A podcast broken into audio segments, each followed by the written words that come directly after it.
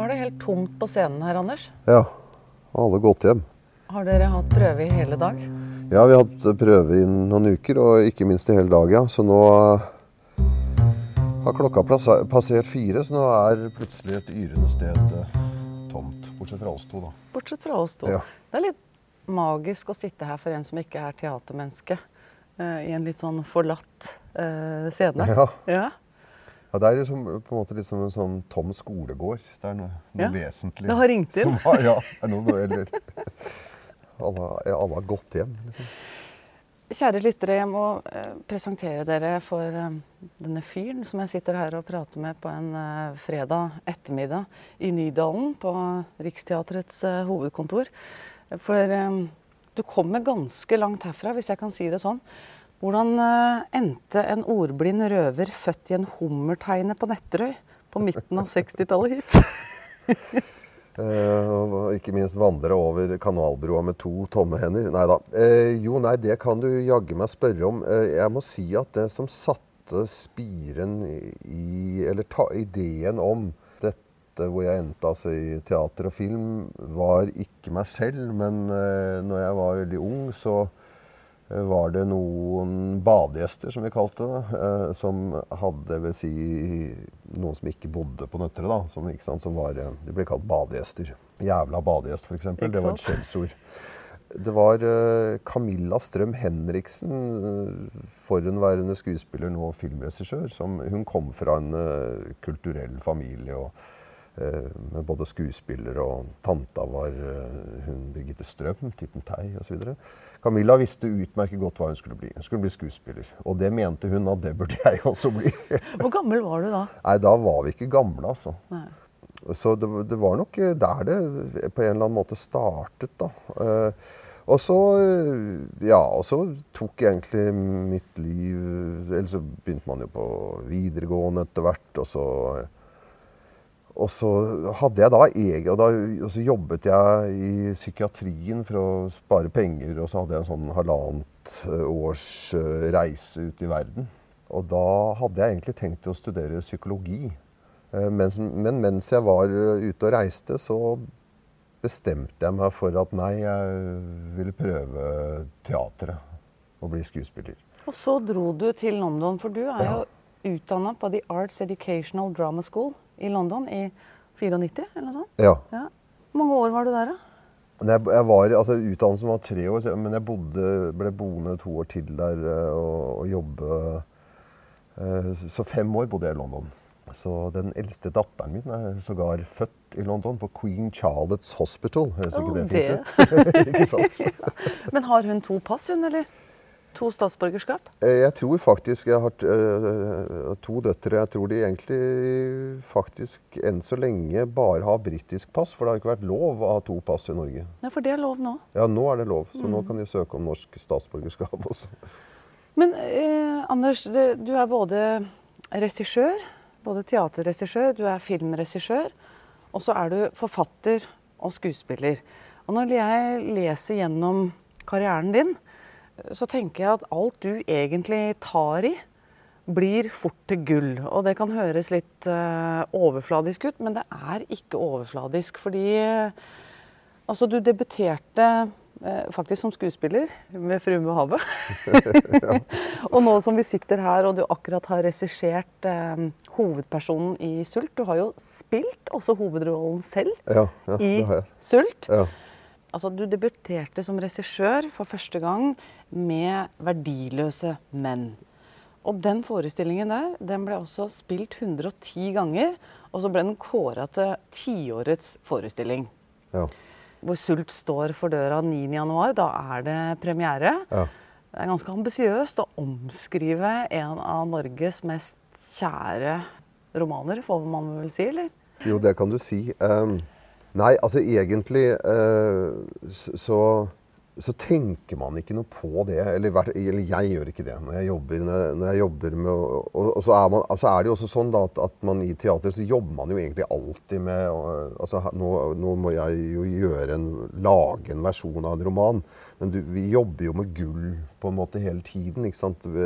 Krem, krem av 2000 års kulturarv. ikke sant? Du jobber med klassikerne. Er, de er jo klassikere fordi de er eminente. De er gode og de er tidløse, og man kan fortsette å spille de og sånn.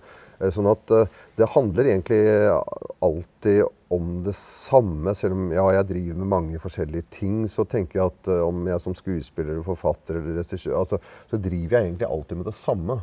Og det er at jeg forteller historier. Jeg pleier å si at jeg befinner meg i illusjonsbyggebransjen. Illusjonsbyggebransjen? Ja, fordi at alt handler om å bygge en illusjon om en historie og trekke folk inn i det. ikke sant? Og tro på det på et eller annet vis. da, ikke sant? Så når man jobber med en, selv om det er en klassiker altså Man kan liksom ikke tenke Det er helt ubrukelige tanker dessuten. Da. Man må inn i materialet, så må man bare elte og holde på og jobbe. Og så har man jo jobber jo alltid med fantastiske folk både på scenen og rundt. Altså, det er jo et, et enormt apparat, egentlig. Som, så man er jo egentlig bare utrolig privilegert som får lov til å holde på.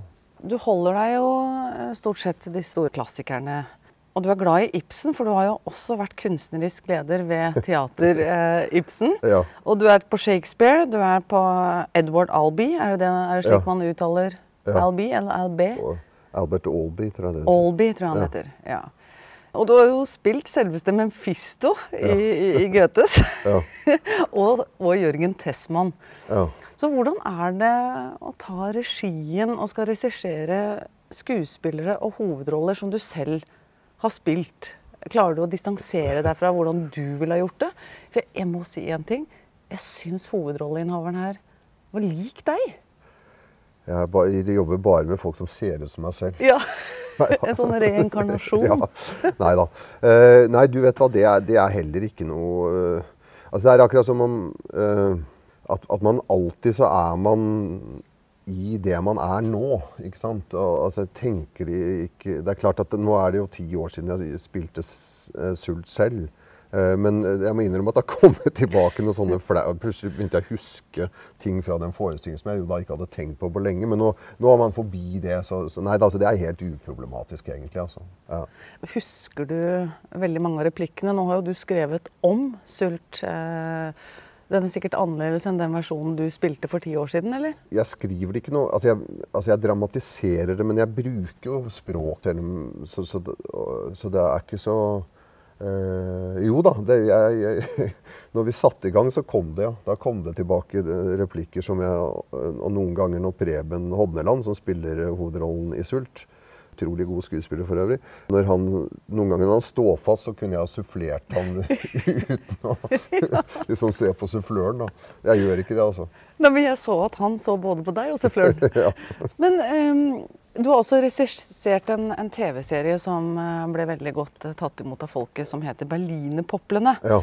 Så det funker da tydeligvis den eh, holdningen du har og inngangen du har til arbeidet. For du vinner jo alt av priser, altså.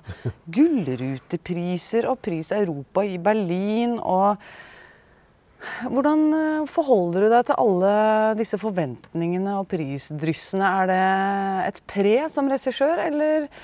Nå skal det jo sies at jeg har jo laget veldig mye som ikke har vunnet noen priser. Men, nei, men det er altså sånne altså Når man får en sånn uh, klapp på skulderen. Da. Og det er klart at det er utrolig hyggelig at det er en, en, ja, det er jo en form for anerkjennelse for det man gjør.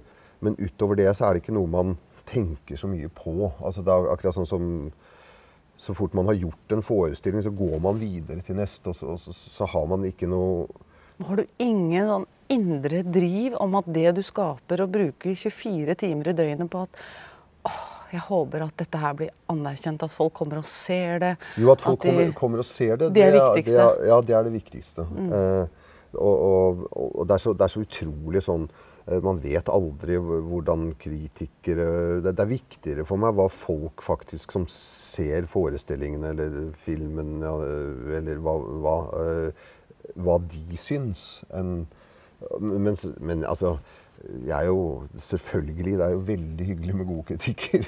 det er jo det.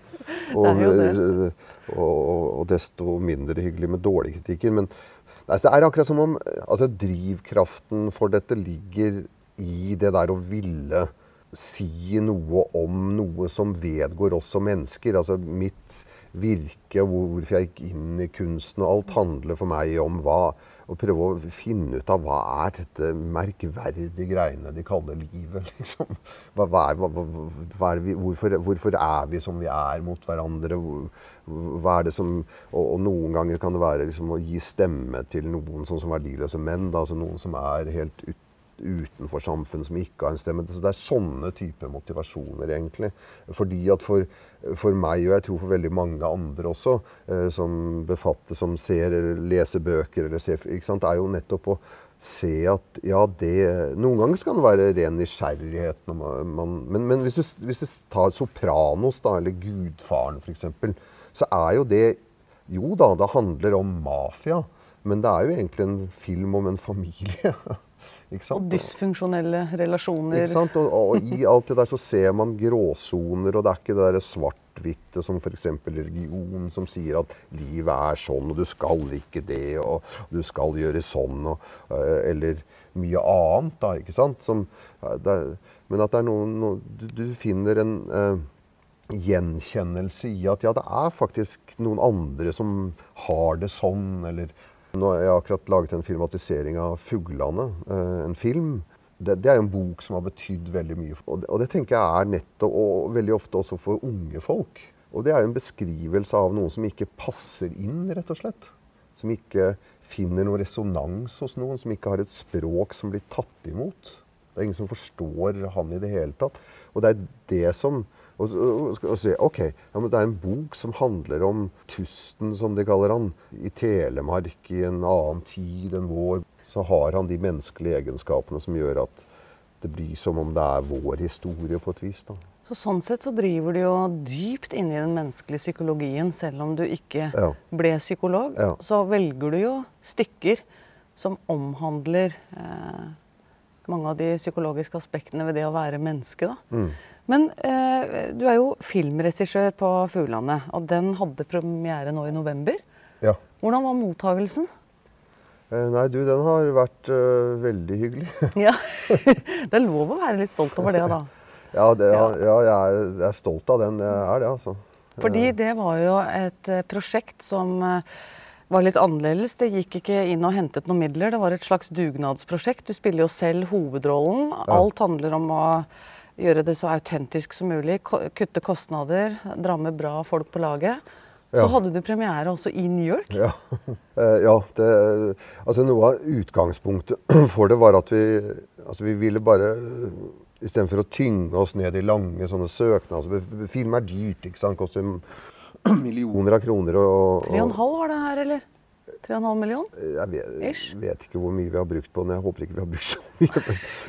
altså, I vanlige fall da, ikke sant, så koster en film eh, eh, ja, titalls millioner kroner å lage. Men, og, og, da må du inn og søke via front, og det er lange prosesser, og de har masse føringer og ba, ba, ba. Så istedenfor å gå den veien, så tenkte vi nei, nå En utrolig god fotograf som heter Rune Kongsrud og jeg startet, og en manusfatter som heter eh, Hilde Jektnes. Og så gikk vi sammen og sa nei, dette, dette, gjør vi bare. Og så fikk vi på et par unge De er litt eldre nå, men eh, Synne Søltvedt og, og Christian Schlysser. Eh, og, og, så gjorde vi det bare for å liksom ha ikke tyngde ned i svære filmteam og kostnader og søknader. Nei, vi, vi gjør det bare.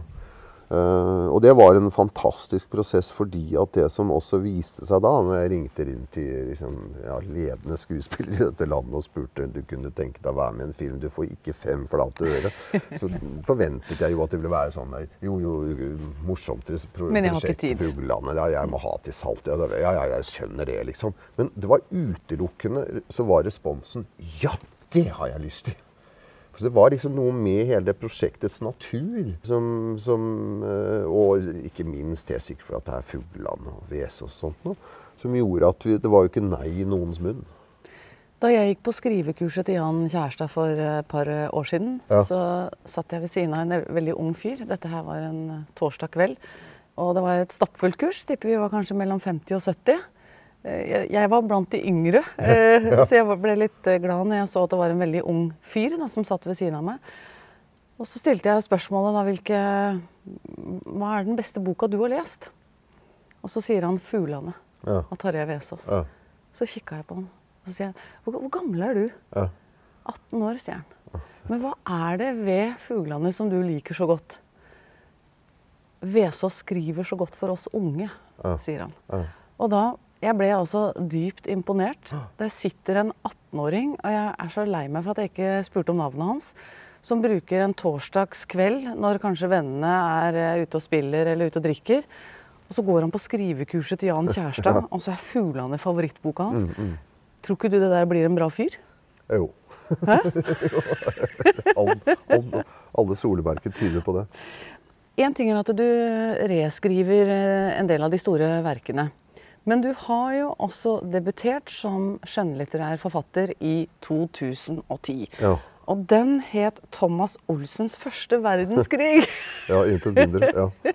Intet mindre. Det måtte liksom bare hete det. Eh, Jeg må bare, fordi Du fikk et spørsmål da når du ga ut denne boka her i, i 2010. Og jeg synes, jeg har lest dette og ble veldig eh, inspirert og motivert. Og det tror jeg andre forfatterspirer kan bli òg. Fordi spørsmålet fra NRK til deg lød som følger. Mange drømmer om å bli forfattere. Hva er dine tips til forfatterspirer? Gi faen og gjør det, svarte du.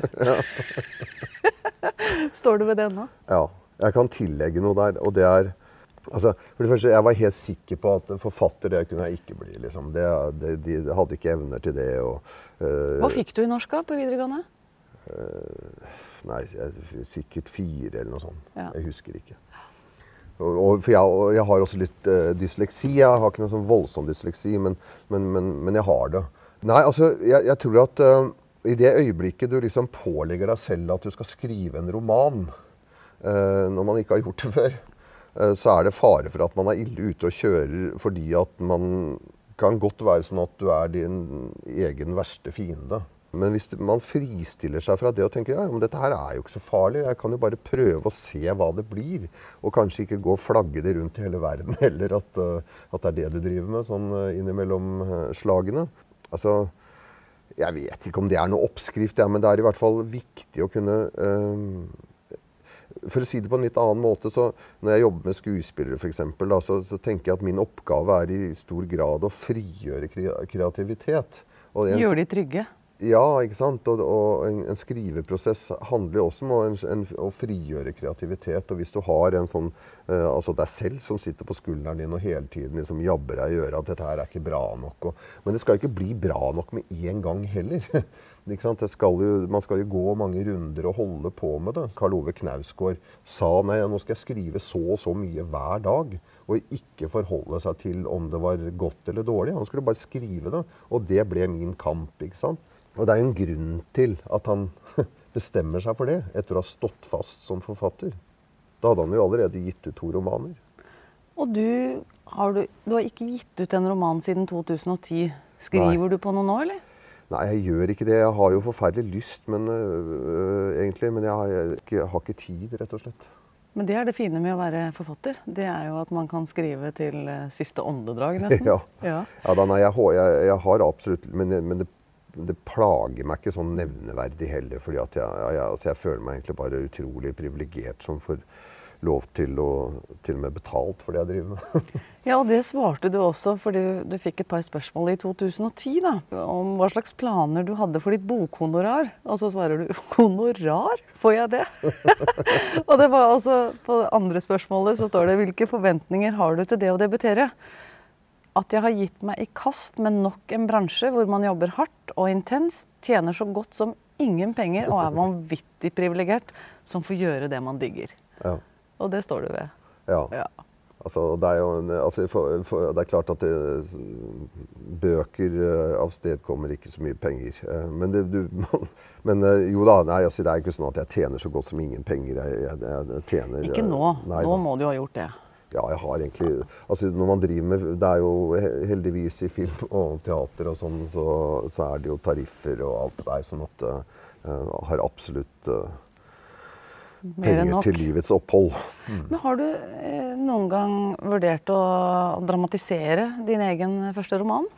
Er det et, eh, et sånt type potensial i den Nei, vet du hva, Det begynte helt motsatt. skjønner du. Grunnen til at jeg satte meg ned Jeg drev og holdt på med en, uh, en Per Petterson-bok som heter 'Det er greit for meg'. Som en, eh, en av hans tidligere bøker. eh, som jeg prøvde å knekke til film.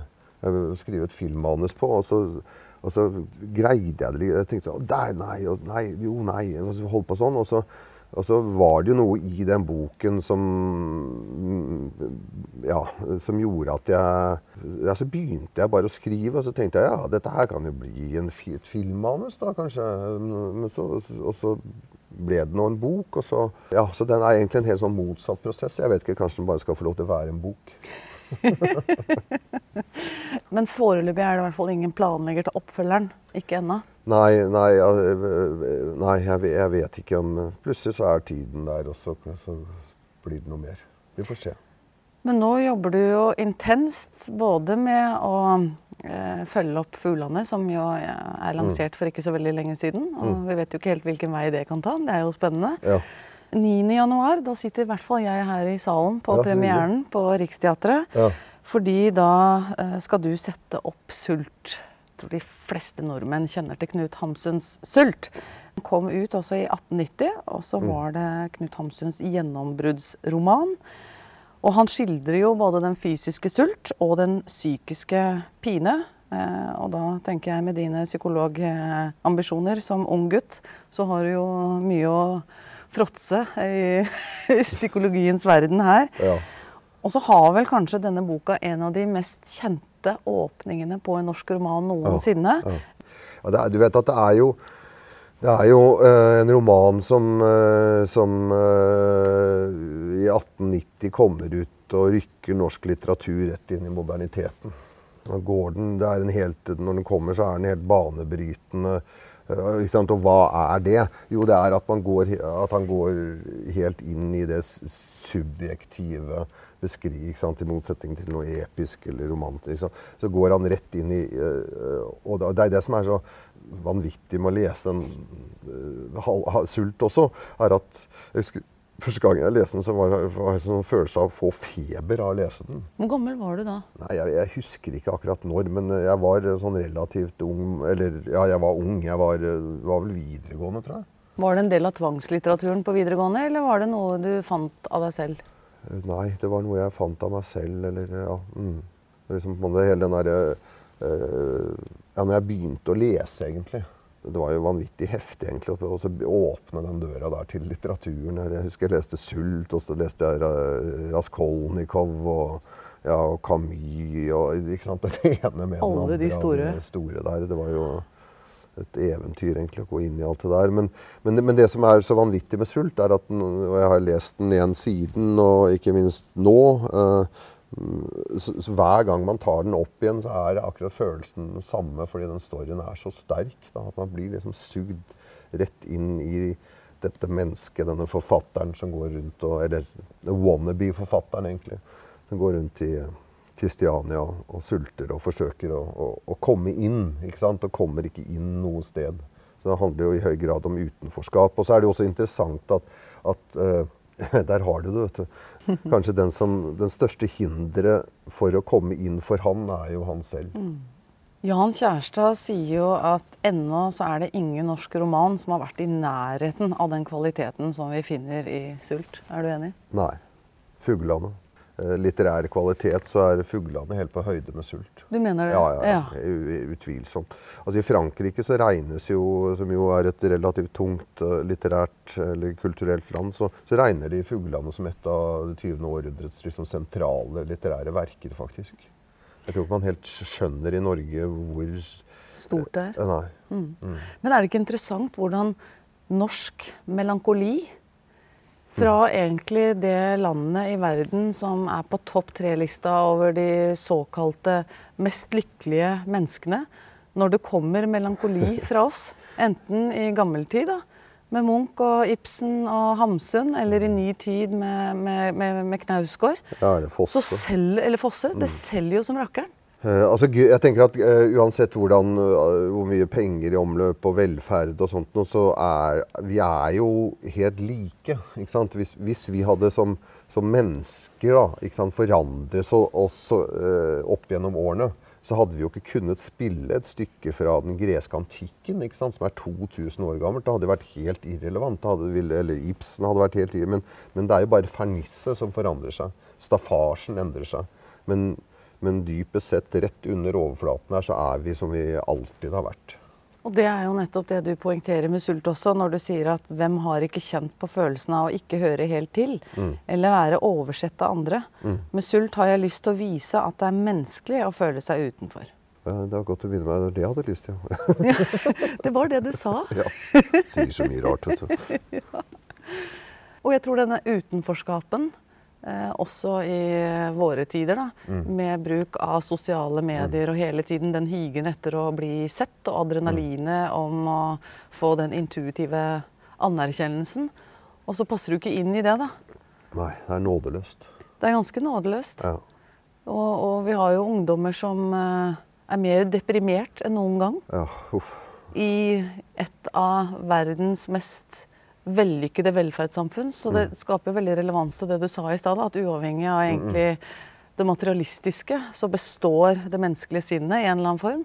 Altså, det, er så, det, er så, det, er så, rart i den tiden vi lever nå. ikke sant? Jeg skal jeg akte meg vel for å si at det var bedre før i tida. for det er den første... Du vet det er sånn alderstegn? ja, ja, ja. Jeg har kjempa mot det lenge. Men visstnok er det det første eh, liksom, skrift man tyder.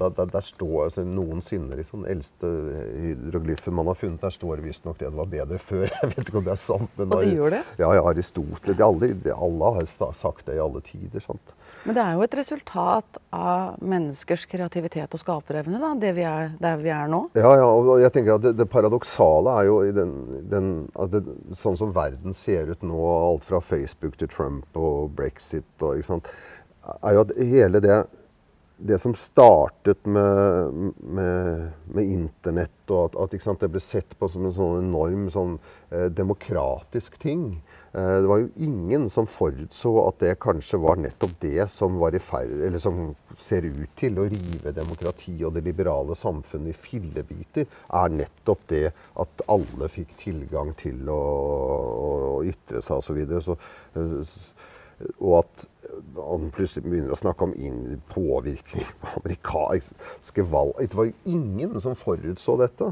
Kanskje bortsett fra det var en, en eh, amerikansk eh, sosiolog mener jeg, som skrev på 70-tallet at uh, den totale frihet vil hindre en vitenskapelig utvikling av samfunnet. Mm. Og det er jo det Så han, han var jo forutseende. Men det, det, det, er jo, det, er jo, vanvittig liksom, hvordan hvor fort det har gått til at man har begynt å liksom, gjøre pressen til samfunnsfiende. Og, og, og, og, bare komme med masse løgn og påstå at det som i hvert fall strever etter en annen form for objektivitet, da, de blir betraktet som en folkefiende. Det er, det er vanvidd. Og teaternes rolle Nei, i den tiden verden, vi er i nå. Ja.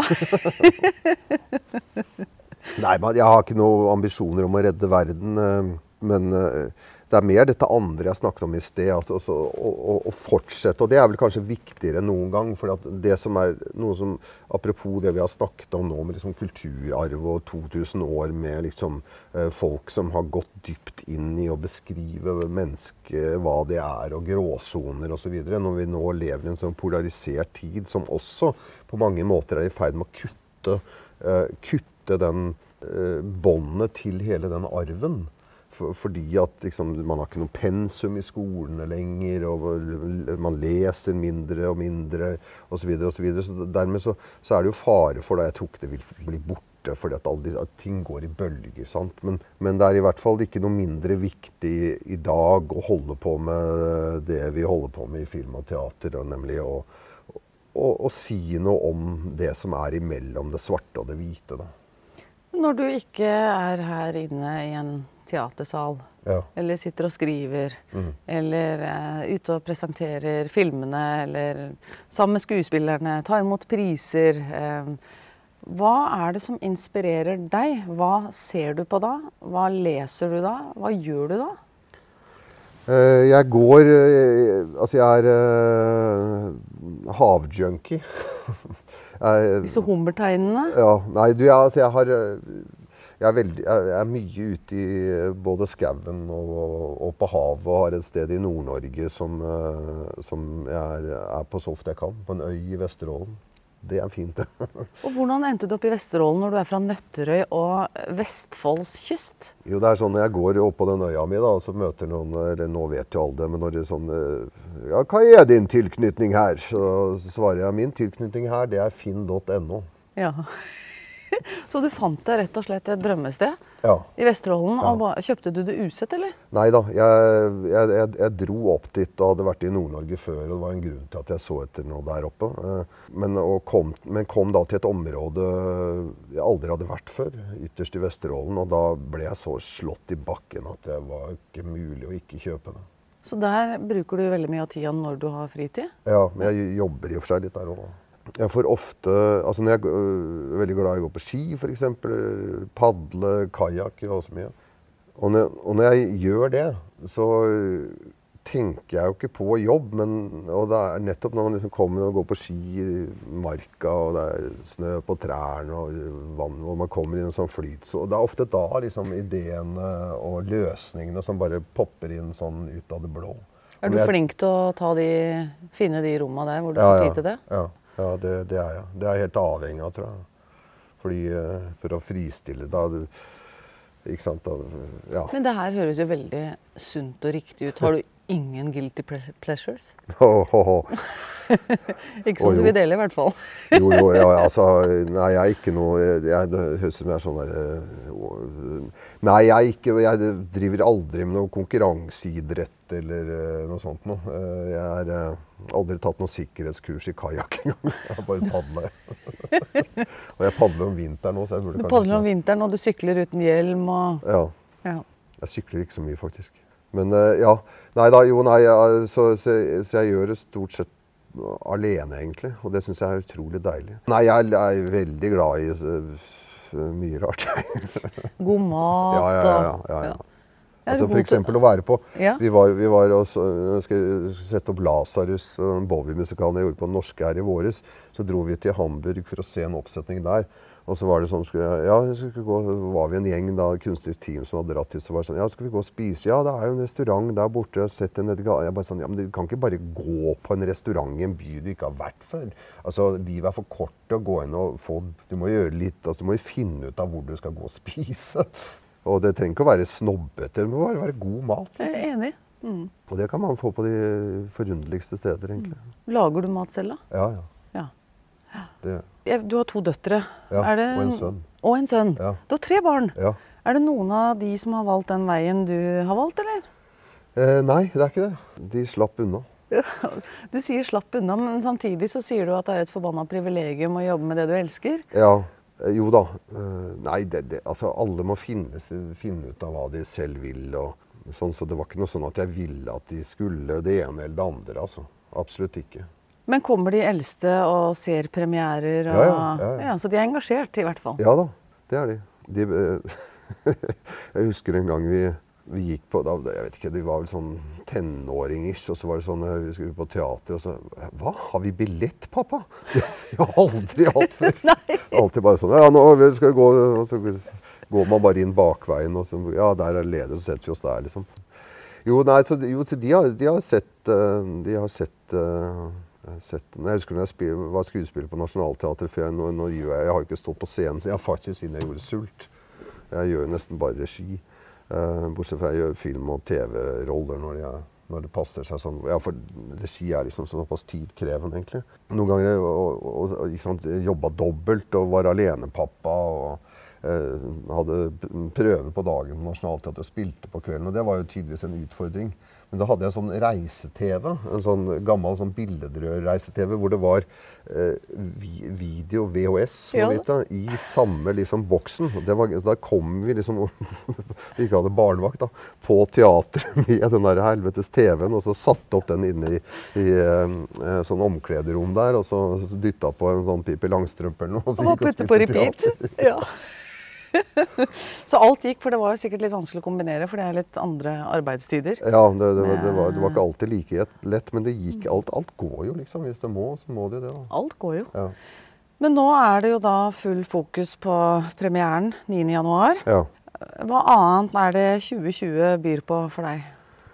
Eh, jo, jeg går rett fra det til Nationaltheatret. Jeg skal lage en forestilling som heter 'Menneske, kjære menneske'. Som er en, eh, der har jeg eh, satt sammen dikt av Nils Øyvind Haagensen og uh, rockemusikeren Erlend Ropstad. Han skal, Erlend skal være med på scenen. Det er ikke politikeren, altså.